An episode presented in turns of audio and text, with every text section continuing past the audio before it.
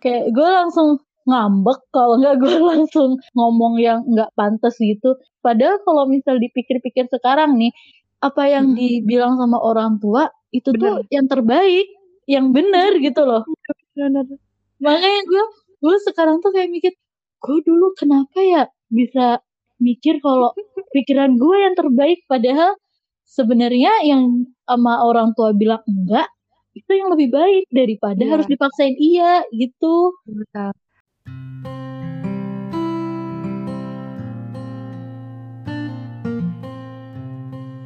Halo para pendengar yang baik, bersama Ainun di sini di Suka Mendengar Podcast. Podcast berbagi kisah, perihal kata, kita, dan cerita. Gimana hari-harinya? Semoga kita bisa selalu bersyukur ya. Episode ini gue akan berbincang dengan Nadila Anissa. Nadila adalah teman kuliah gue dan sekarang berada di Poso bersama suaminya. Kali ini kita akan ngobrol tentang selagi ada orang tua. Yuk langsung dengerin aja.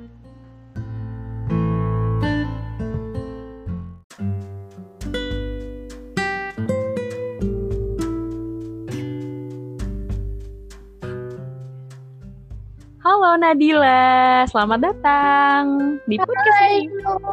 Makasih lo udah diundang ke podcastnya. Yuhu, ya dong. Gimana nih kabarnya? Alhamdulillah baik dan semakin baik. Ainun gimana? Alhamdulillah selalu baik. Allahu Akbar. Allahu Akbar. Jadi gini nih ya, untuk para pendengar, Nadila adalah teman kuliah gue sekaligus teman nomaden. Jadi dulu tuh sering banget gue nginep di kosannya Nadila, ngobrol, uh, bincang ini itu. Nadila juga suka ke rumah gue di Bogor. Tapi ya sekarang Nadila lagi di Poso bersama suaminya. Asik. Bener kan ya Nat? Poso? Iya, bener di Poso. Iya ya, jauh banget di iya. Sulawesi. Iya. Sekarang kita udah nggak bisa motoran ke Bogor. Iya bener banget LDR nih kita. Oke gini, tadi kan uh, udah dikasih tahu kita mau bahas tentang orang tua. Orang tua bukan minuman ya. Bukan. orang tua gitu. Ayah dan ibu. Nadila manggilnya apa sih? Ayah sama ibu. Hmm, oke. Okay. pas nih. Jadi setahu gue ayahnya Nadila kerja di luar Indonesia ya. Di mana mm -hmm. sih Nat? Lebih tepatnya? Dari umur berapa lu uh, ngerasain ayah tuh kerjanya harus jauh Oke, jadi uh, ayah gue itu kerja di Saudi, di Saudi hmm. Arabia. Setahu gue dari tahun 1990-an. Wow. Itu gue belum wow. lahir tuh. Iya, bener-bener. Iya, dari tahun 1990 ayah gue berangkat ke Saudi dan di sana uh, waktu itu masih baru bertahan 2 tahun sih. Jadi dari hmm. tahun 90 sampai tahun 92-an lah. Hmm. Itu uh, kerja di sana dua tahun terus akhirnya balik ke Indo balik ke Indo hmm. kayak coba peruntukan lah di Indo kayak apalah yang bisa dikerjain dikerjain di sini hmm. tapi ternyata ya itu tadi rezekinya ternyata di sana sampai hmm. akhirnya di Indo itu sampai tahun uh, eh, 98 akhir itu akhirnya ayah gue balik lagi ke sana ke Saudi sampai akhirnya ayah gue itu resign tahun 2020 awal. Hmm, oke. Okay. Jadi sebenarnya udah lama juga ya. Lo belum lahir juga ayah udah kerja jauh dari keluarga. Mm-mm, betul. Oke, okay, oke. Okay. Nah, selama jauh dari ayah, ada nggak sih momen yang paling kurang mengenakan? Satu momen paling yang kayak, duh, entah itu sedih atau kangen atau apa? Dulu tuh tahun-tahun segitu, tahun kita masih TK SD itu kan nggak ada hmm. yang namanya WhatsApp atau hmm. uh, yang yang enak-enak kayak sekarang Telegram atau lain sebagainya kan nggak ada ya. Ya hmm. yang paling bikin sedih ya itu aja sih kalau misal dulu kan paling mau komunikasi pakai SMS, pakai apalagi kalau zaman dulu tuh kalau nggak salah nih SMS ke luar negeri itu sekali ngirim kan kalau zaman dulu kan per, per halaman gitu loh bayar pulsanya. Nah itu satu halamannya satu lembarnya itu tuh 1.500an apa 2.000 itu buat sekali SMS. Jadi uh, gua kakak-kakak gua dan ibu tuh kalau misal sekali SMS tuh bisa cuma dua minggu sekali atau bahkan sebulan sekali. Jadi sekali SMS tuh kita langsung banyak gitu cerita apa aja kita ceritain. Pokoknya sekali SMS itu tuh langsung banyak gitu.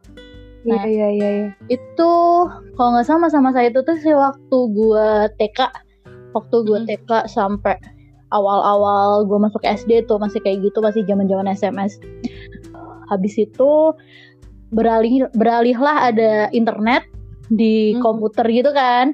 Nah, kita download itu namanya Skype. Hmm. Nah, dari Skype itu dari situlah kita baru bisa yang namanya uh, video callan gitu loh. Tapi video yeah. callannya masih pakai komputer gitu, masih pakai laptop gitu kan. Hmm. Nah, makin ke sini makin ke sini ya ini zaman makin canggih. Jadi kita udah ada iya. WA, udah ada BBM, udah ada Line, udah ada macam-macam. Yeah, yeah, yeah. Walaupun sebenarnya WhatsApp itu di Saudi itu nggak ada. Oh, uh -uh, jadi kalau pakai apa tuh? Kayak pakai VPN gitu. Jadi kalau ya gue mau WhatsAppan nih, jadi itu harus VPN-an dulu. Oh iya iya iya. iya. Jadi kayak momen tersedihnya ya itu sih kayak kan ayah gue pulang itu bisa setahun sekali, bisa dua tahun sekali tergantung jatah cutinya kan ya. Iya. Dan cutinya pun juga gilir-giliran. Jadi di perusahaan ayah gue itu malah mayoritasnya orang-orang yang kerja dari Indo, dari Turki, yang orang Arabnya itu jarang banget. Yang orang Arabnya itu malah kayak cuma buru-burunya gitu loh yang kerja di pabriknya. Oh, nah, iya, iya iya iya. Sedangkan di jabatan ayah gue itu cuma ada dua orang, yaitu dua-duanya itu sama-sama orang Indo. Jadi cutinya tuh giliran gitu kan. Jadi nggak bisa nggak bisa Bareng. pasti tiap tahun nggak uh, bisa pasti tiap tahun pulang gitu. Oh, Jadi kalau uh, yang sedihnya yaitu tadi hmm. uh, jarang ketemu ayah. Terus waktu masih kecil gitu komunikasinya uh, bisa dibilang kurang banget sama ayah padahal iya, kalau kalau anak kecil apalagi anak cewek itu ini gak sih kayak sama ayahnya tuh paling deket gitu loh main. Uh, uh, mau jadi, belajar apa olahraga gitu ya, ya. jadi gue selalu ngeliat gue selalu ngeliat temen gue nih misal lagi di sekolah dijemput sama ayahnya gitu gue kayak anjir gue kapan ya? Bisa kayak ya tapi gue nggak ngomong anjir juga sih. Gue kayak mikir gue kapan ya bisa ngerasain dijemput ayah? Bisa yang ngerasain dijemput ayah cuma setahun sekali itu pun kadang dijemput sama ayah kadang juga nggak hmm. pasti kan ayah kalau pulang banyak aja kegiatannya gitu loh iya iya iya jadi ya, ya bener, jadi ya gitulah yang bikin sedih tuh kayak kayak ya, waktu ya. gue sama ayah gue tuh sangat amat sedikit gitu loh waktunya bersama. Mm -hmm. Mm -hmm. Okay. Waktu waktu buat tatap muka gitu tuh kayak mm. ya gitulah. Waktu dan komunikasi sih ya. Iya. Yang dari ya alhamdulillah lah kalau sekarang mah makin maju teknologi. Dulu mm -hmm. tuh struggle-strugglenya. Oke, okay, mantap. Nah, berarti uh, ibu lu, kakak, lu juga termasuk kuat gitu kan ya bertahun-tahun LDR sama suaminya, sama bapaknya, ayahnya gitu. Oke, lanjut gue yang, gue yang paling salut sama ini sih, sama ibu gue sih. Hmm. Ibu gue tuh uh, kalau misal bicara kasarannya nih, gue sama kakak-kakak gue masih bisa ngerasain uh, figur seorang ayah itu dari almarhum pak adik gue. Jadi dulu hmm.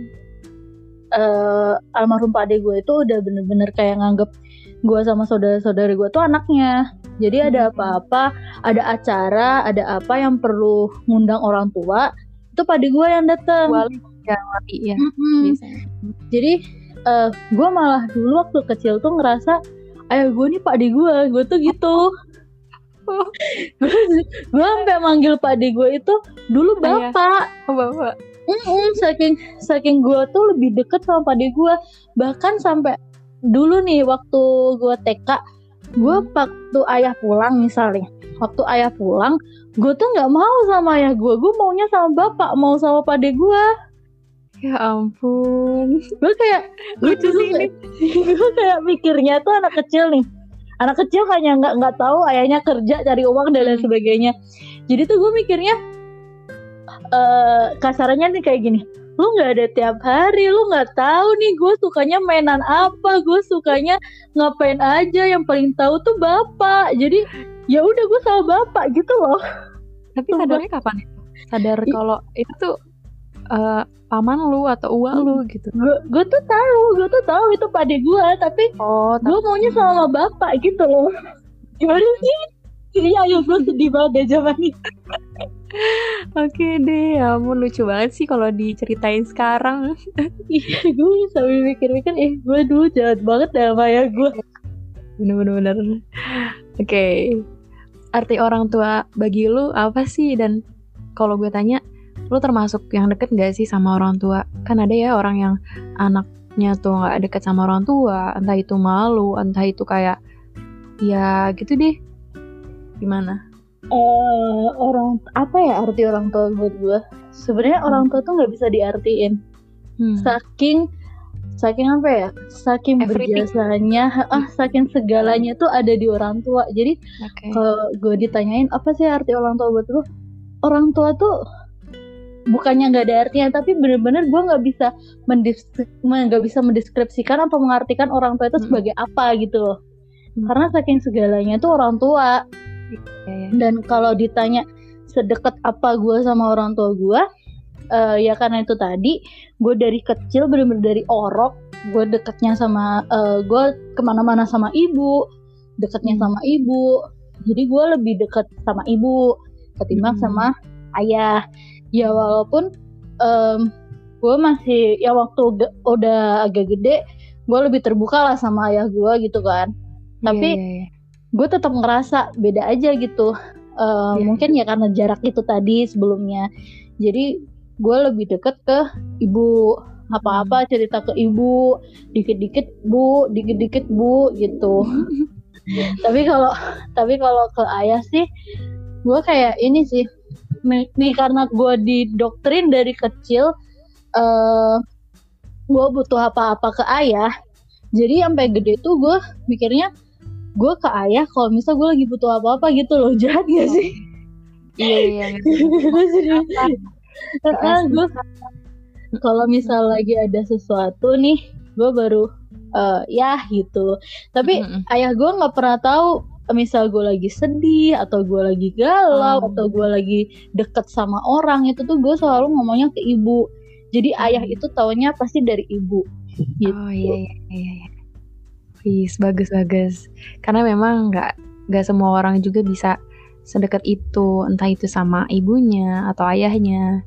Hmm. Alhamdulillah bersyukur. Eh, pernah gak sih ngerasain apa ya namanya pandangan orang tua sama lo tuh gak sejalan? Kayak misalnya memilih jalan hidup atau keputusan, terus juga pilihan ini itu pernah nggak? Sedekat itu nih kan? Pernah nggak? Tapi ada pandangan yang nggak sejalan. Kalau itu sering banget sih dan sering gue rasain pas SMP sama SMA.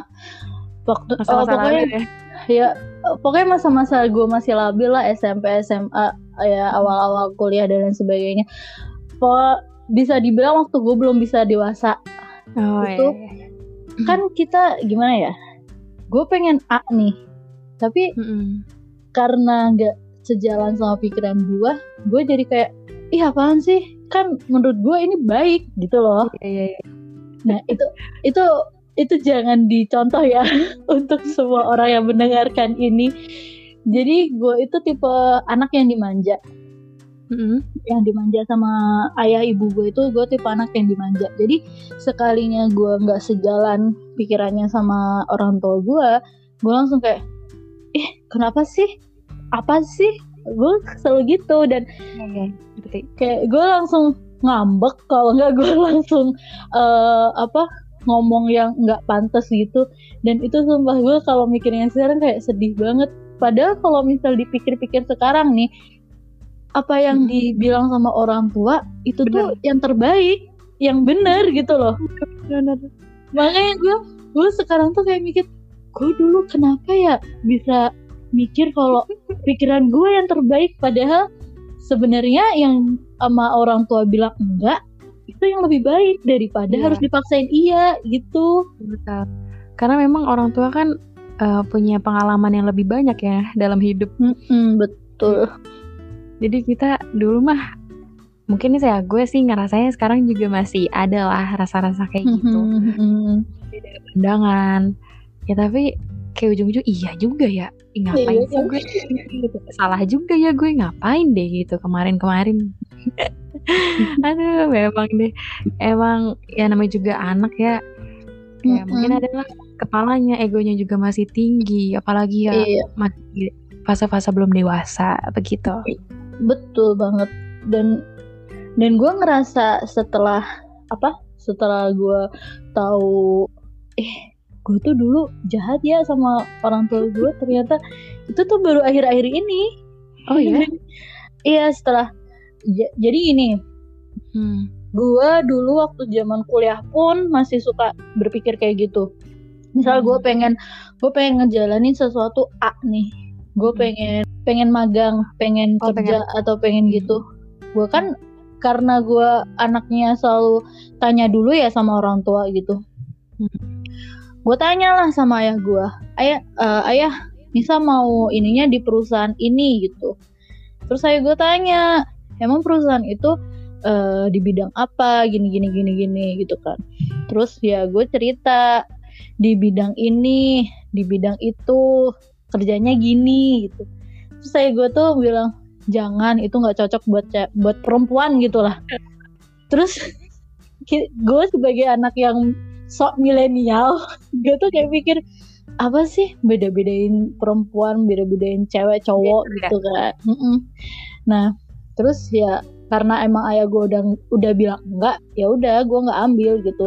Dan Hmm. ternyata selisih beberapa bulan dari beberapa minggu dari itu, gue malah dapet tempat magangan yang lebih baik, yang bisa dibilang gajinya lebih gede, yang gue di situ kerjanya lebih terjamin, dan gue juga langsung mikir, coba kalau misal waktu itu gue ngambil yang perusahaan itu ya, gue kayaknya nggak bakal bisa kayak begini gitu. Mm-mm. Dan- Ego gue tuh waktu itu masih nggak mau ngomong kalau ini karena ayah gue yang bilang jangan gitu loh.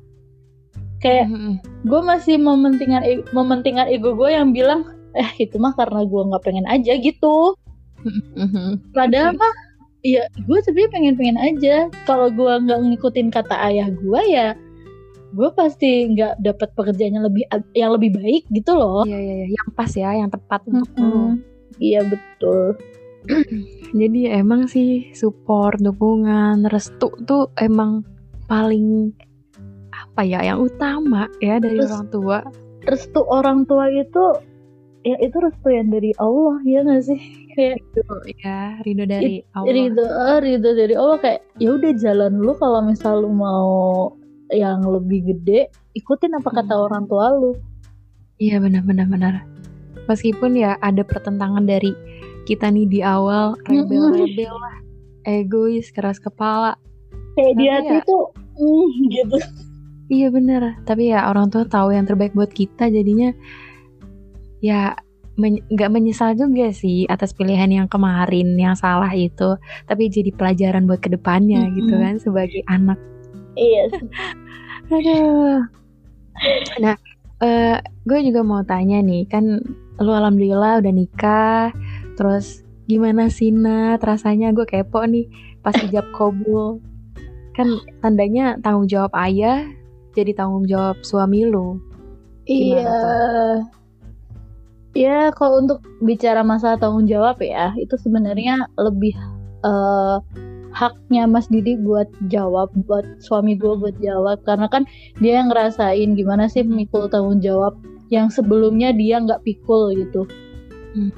tapi kalau dari segi gue sendiri eh gue gini gue dulu sebagai anak perempuan kan sudah berusaha untuk eh apa ya untuk memper untuk apa ya istilahnya pokoknya untuk mempertahankan martabat ayah gue gitu loh. Ya di mana mana anak perempuan itu kan tanggung jawab ayah tanggung jawab uh, bapak gitu. Jadi gimana uh, gimana cara gue buat uh, gue menjaga amanah tanggung jawab or, uh, ayah gue itu? Gimana sih ngomong gue beli bedah iya iya iya iya. Iya Ya, gitu. menjaga nama baik juga. Uh, menjaga nama baik ayah gue juga.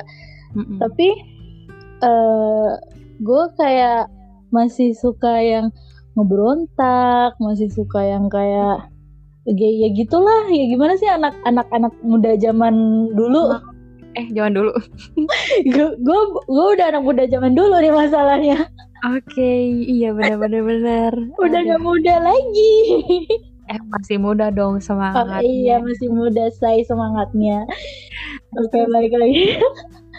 Terus setelah gue nikah Mm-mm. selesai dihijab eh, dan gue ikut suami gue gue kayak berpikir jadi laki-laki itu ternyata berat loh. Dia dia pertama dia na- nanggung eh, gimana nanti kalau anaknya nggak pakai hijab. Eh, dia nanggung gimana kalau anaknya nanti ibadahnya nggak bener. Padahal yang yang berbuat salah tuh anaknya tapi yang nanggung tuh ayahnya gitu loh. Jadi kesindir gitu ya gue ngerasanya jadi anak. Ya sebenarnya kita emang nggak bisa sempurna non. Kita nggak semua orang bisa disuruh buat pakai hijab nggak semua orang bisa disuruh buat Hmm. berperilaku yang Baik. sebaik-baiknya atau gimana. Pasti ada aja kurang kita. Tapi yang bikin gue sedih nih kenapa yang nanggung tuh ayah gitu. Padahal yang Hmm. bikin salah gue iya sih. gue gue gue gue pasti juga bakal nanggung tapi nanti di sana ayah gue yang bakal ditanyain kenapa anak kamu bisa begini? Emang kamu nggak mendidik dia dengan baik? Padahal ayah gue mendidiknya udah dengan sangat amat baik. Wow kitanya aja yang terlalu egois buat nggak berperilaku baik gitu loh. Iya iya iya paham. Dan Gimana? dan gue tuh sadar itu malah bodohnya gue tuh gue sadar itu setelah gue nikah setelah gue Hmm. punya suami gitu ya Mm-mm. gue kayak ih kenapa sih gue kayak jadi punya nyesel tersendiri gitu loh kok gue Hmm. baru sadarnya sekarang gitu kenapa nggak dari kenapa nggak dari dulu gue tuh udah berusaha untuk selalu berperilaku baik selalu jaga sikap selalu eh, orang tua ngomong yang A B C asalkan itu masih di jalan yang baik ya. Kenapa nggak gue ikutin? Gue masih suka bantah masih suka yang ah apa sih? Gue punya jalan sendiri kayak gitu loh. Iya, Padahal- iya, iya. padahal ayah gue tuh juga eh, ayah gue tuh juga salah satu cara buat dia tuh mempertahan- mempertahankan tanggung jawab dia. Biar tanggung jawab dia itu selalu lurus gitu loh. Wow. Gila. Gue baru baru kayak hah kayak bener juga sih Nat.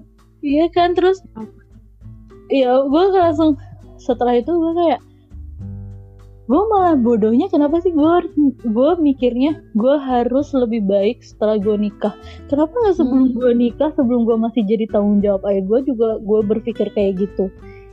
Kenapa kasarnya nih kasarnya kenapa gue mikir buat eh apa ya gue mikir buat gue membaikkan tanggung jawab suami gue tapi gue nggak berpikir buat membaikkan tanggung jawab ayah gue wow itu yang bikin gue kayak sampai sekarang Iya. eh gue jahat ya jadi anak gue tuh kayak gue tuh Haha. ya emang gak ada yang sempu gak ada yang bisa sempurna jadi anak lah atau jadi apa tapi kenapa sih gue nggak berusaha untuk menjadi sempurna sebagai seorang anak perempuan apalagi Iya betul betul. Jadi rasanya pas hijab kabul gimana tuh? Emang lu udah ngejelasin ya tadi? rasanya belum sih belum belum Oh belum. Tuh ya pengen rasanya tahu. pas rasanya pas ijab kubul gimana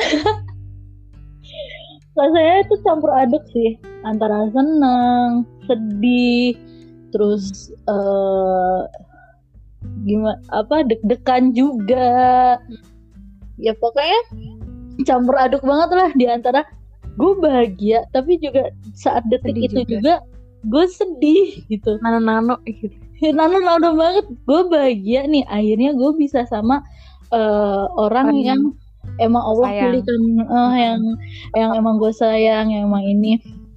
Tapi gue juga sedih karena gue sadar saat itu juga gue udah nggak bisa nih dikit-dikit bu dikit-dikit ya gitu kan. Iya iya iya iya. Terus gue udah nggak udah udah nggak bisa nih ada masa dikit langsung gue umbar apa gimana kalau kalau dulu kan lo tau sendiri ya gue ada masalah hmm. apa langsung cerita ke lu cerita ke hmm. siapa eh yeah. Iya. gue lagi pusing gini gini gini gini gini gara-gara mas Didi gini gini gini sekarang gue udah nggak bisa dong harus yeah, bener. dikit itu dan uh, eh, gue udah nggak bisa yang apa ya yang dikit-dikit gue manja ke ibu gue udah nggak bisa. Jadi mm -hmm. gue sedihnya di situ sih. Apalagi gue kan dekat banget sama ibu gue ibu gue juga deket banget sama gue gue yang bikin gue sedih itu. Gue yang gue pikirin nanti ibu gue kalau gue tinggal pagi gue kan langsung ngerantau ikut suami ya. Yang bikin gue itu kepikiran nanti ibu gue ini cerita curhat-curhat sama siapa lagi ya? Udah gak ada gue nih uh, paling kalau telepon sehari sekali dua kali. Dan itu pun nggak nggak cukup sama yang biasanya gue tiap hari di rumah cerewet apa aja gue ceritain ke ibu gitu kan. Ya itu sih nano-nano banget rasanya. Deg-degan juga. Akhirnya gue mau dipinang nih sama orang. Wow. Udah pokoknya rasanya nano-nano banget deh nggak bisa dijelasin. Oke oke. Okay, uh, tadi juga udah jelasin ya ada perbedaan antara sebelum lu menikah sama sesudah. Nggak bisa nggak bisa sebebas dulu untuk cerita ke siapa pun ke temen iya. ke keluarga sekalipun. Pasti ada batasan-batasan tertentu juga oh ya dan ini dan kan tadi gue bilang ya kenapa sih gue sadar uh, baru akhir-akhir ini gitu hmm. egoisnya gue dulu? Ya karena itu setelah gue menikah dan alhamdulillah gue itu dapat suami yang dia itu bener-bener mandiri orangnya. Mandiri hmm. banget. Kayak bertolak belakang sama gue gitu loh. Nggak ber, be, apa kebergantungan gitu ya? Uh, uh, dan dan gue tuh banyak belajar dari suami gue itu. Kayak mm. suami gue tuh gini gini gini dan dan setelah gue belajar sama suami gue gue kayak oh iya ya gue dulu gini amat sih waktu gue masih apa waktu gue masih lajang gitu kenapa sih gue dulu kok sama orang tua mungkin sama temen atau mungkin sama siapa kayak gitu gitu jadi iya, iya, iya. sekarang lebih jaga sikap lebih jaga omongan lebih jaga insya Allah lebih jaga aurat dan hmm. dan lain sebagainya tuh lebih terjaga dan okay. itu yang bikin gue mikir kayak kenapa sih nggak dari dulu gue tuh kepikiran kayak gini gitu kenapa baru sekarang emang okay, sih kalau okay penyesalan tuh selalu di belakang. Iya, di akhir kalau awal mah pendaftaran, Nat. Ah, iya, betul. Aduh, gila seru banget ya. Jadi pelajaran juga sih buat gue yang emang masih lajang ini, yang masih bebas untuk ke depannya bisa lebih baik. Terus juga ya Nadila sekarang bersyukur aja bertemu sama suami yang baik, yang sabar pasti ya pokoknya terbaik lah buat Nadila. Amin. Amin. Nah, pastinya juga semua anak mau ngasih yang terbaik sampai kapan pun, tapi nggak bisa membalas hmm. seluruh jerih payah orang tua dan perjuangannya. Tidak batas gitu. Bener banget. Oke nih lanjut ya. Banyak cerita-cerita ya yang dari teman-teman atau cerita-cerita ya orang banyak mereka kurang dapat kasih sayang dari orang tuanya. Ya, hmm. Ya, karena bercerai atau memang uh, rasa kepedulian atau perhatiannya kurang. Ada juga yang memang sudah dipanggil sama Tuhan, sama Allah. Hmm. Ada nggak sih atau support untuk mereka dari Nadila? Oke, jadi sebenarnya gue punya banyak temen yang backgroundnya yang kayak lo tadi bilang ya bermacam-macam. Entah itu yang dia uh, ya ada yang bercerai, ada yang sudah ditinggal terlebih dahulu dan banyaklah. Ada yang bahkan orang tuanya masih utuh tapi ternyata uh, kurang perhatian juga. Uh, kalau kata gue lu tuh hidup nggak sendiri. Di sekeliling lu tuh masih banyak orang-orang yang sayang sama lu. Entah itu temen entah itu mungkin kalau lu punya pacar entah itu pacar lu entah itu sahabat dan lain sebagainya. Jangan tutup mata kalau mereka tuh ada. Mereka itu juga sayang sama lu. Mereka tuh juga ngerti apa yang lu rasain apa yang lagi lu butuhin. Jangan hmm. tutup hati buat mereka gitu. Kalau emang lu pengen cari sesuatu yang membuat lu bahagia di luar keluarga jangan jauh-jauh dari orang yang bisa kasih vibe positif buat lu. Jangan malah nyari sesuatu yang bervibe negatif. Itu jangan. Hmm. sekali lu kecolek dikit sama yang negatif lu bakalan ketarik terus sama yang negatif. Dan susah gitu kan keluarnya. Buat keluar dari lingkaran setan itu entah apa pun itu. Iya, iya, iya. kalau emang lu uh, lu berusaha untuk mencari kehangatan kebahagiaan. di luar keluarga kebahagiaan di, di luar keluarga. Boleh tapi jangan sampai lu lupain keluarga lu. Seburuk-buruknya orang tua lu itu tetap orang tua lu juga. Tinggalin apa yang buruk dari orang tua lu ambil yang positif walaupun itu cuma sedikit aja ambil yang positif jangan langsung ngejudge orang tua gue orang tua yang gak bener nggak seenggak bener-benernya orang tua lu itu tetap orang tua lu yang lahirin yang nafkahin yang berjuang 9 bulan jadi ya, betul. jangan pernah ngelupain keluarga sih jangan pernah terutama orang tua jangan pernah ngelupain orang tua walaupun hmm. Walaupun lu terpaksa nih cari kebahagiaan di luar keluarga di luar uh, di luar circle orang tua lu tapi jangan pernah ngelupain orang tua. Iya benar-benar. Mantap banget. Nadila ini weh. Weh. Tapi ya setuju sih. Karena di dunia ini ya benar kata Nadila tadi nggak ada yang sempurna. Mereka hmm. jadi orang tua pun ya baru pertama kali jadi orang tua. Yes. maksudnya nggak ada nggak ada juga pelajaran tentang gimana sih menjadi orang tua maksudnya nggak ada di sekolah nggak ada mata pelajarannya tapi hmm. ya seiring berjalannya waktu pasti mereka walaupun misalnya buruk atau uh, kurang apa ya memberikan perhatian atau yang hal yang lain yang nggak mengenakan untuk anaknya tapi ya doakan aja semoga hmm, diberi hidayah semoga menjadi lebih iya. baik seperti itu ya pokoknya okay. intinya kalau misal lu ngerasa orang tua lu kurang baik nggak usah lu tunjukin di depan mereka buat buat ngegeber-geber lu tuh nggak baik ngapain gue ikutin cukup lu hmm. pendem aja terus lu doain yang terbaik buat ya, orang tua lu iya iya iya setuju oke okay. ini yang terakhir sebenarnya uh, kelanjutannya sih sama pertanyaan yang sebelumnya. Untuk masih ada nih kedua orang tuanya. Ada gak sih pesan-pesan yang mungkin lo bisa sampaikan kita sebagai anak?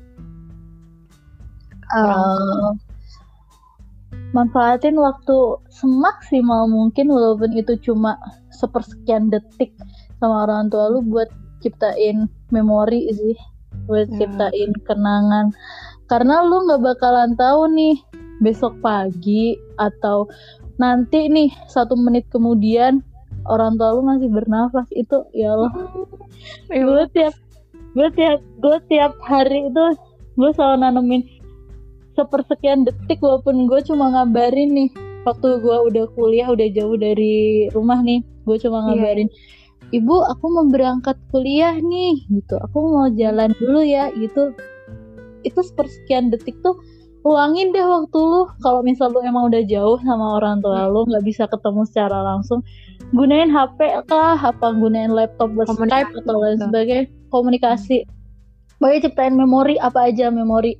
Setiap lu ketemu jangan lupa buat ngobrol buat cerita apa aja gitu walaupun yeah, orang iya. tua lu tuh nggak ngedengerin secara fisik nih kayak Ih apaan sih orang ibu gua nggak ngedengerin? Tapi sebenarnya tuh di dalam di dalam hatinya tuh ibu kita tuh ngedengerin dan ibu kita tuh kayak ngasih support secara nggak langsung gitu loh. Dari setiap doa doanya dari setiap sholat pasti yang didoain juga anaknya kan gitu. Hmm, pasti Pokoknya- pasti.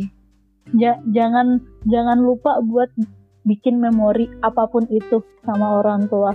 Karena kalau misal kalian udah jauh, apalagi kalian yang udah eh, menikah, bersuami, eh, yang bersuami sih terutama, waktu lu tuh gak seluang dulu waktu lu masih lajang gitu.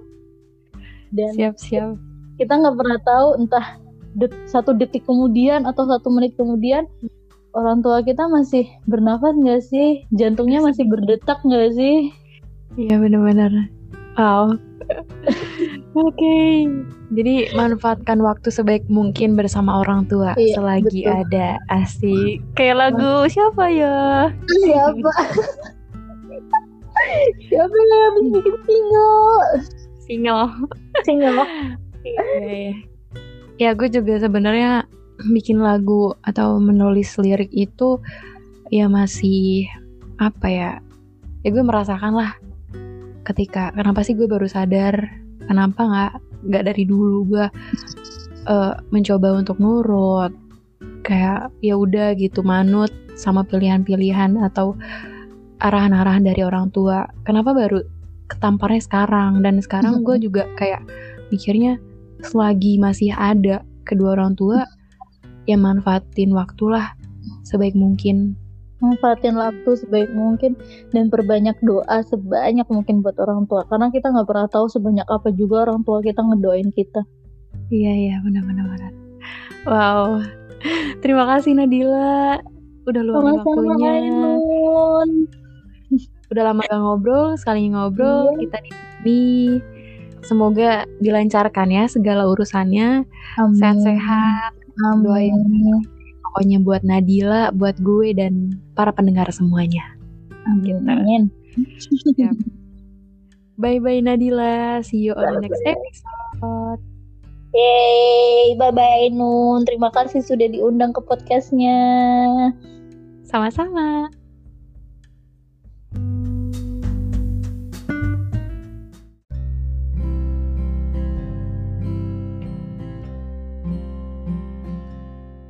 Bertahun-tahun dibesarkan, sudahkah membahagiakan? Berkali-kali beda pandangan, tak apa, butuh penyesuaian. Orang tua, manusia yang sangat berjasa, buat momen terindah bersama, selagi ada. Oke, para pendengar yang baik, terima kasih sudah mendengarkan podcast ini. Semoga bisa memberikan informasi dan manfaat yang berguna untuk kalian semua. Kalian juga bisa share link podcast ini ke teman-teman atau kenalan kalian. Yang ingin berbagi kisah tentang resah atau ada yang ingin didiskusikan, bisa DM dan follow Instagram Suka Mendengar atau akun pribadi gue, Ainun Rama. Podcast Suka Mendengar ini bisa temani kalian kapan pun, di mana pun, dan dapat menjadi teman kalian sebelum tidur bahkan. Hehe. Oh iya, yang belum dengerin podcast sebelumnya, boleh kakak. Kita akan berjumpa lagi di episode selanjutnya. Jangan lupa dengerin, karena mendengar adalah seni memahami sesama.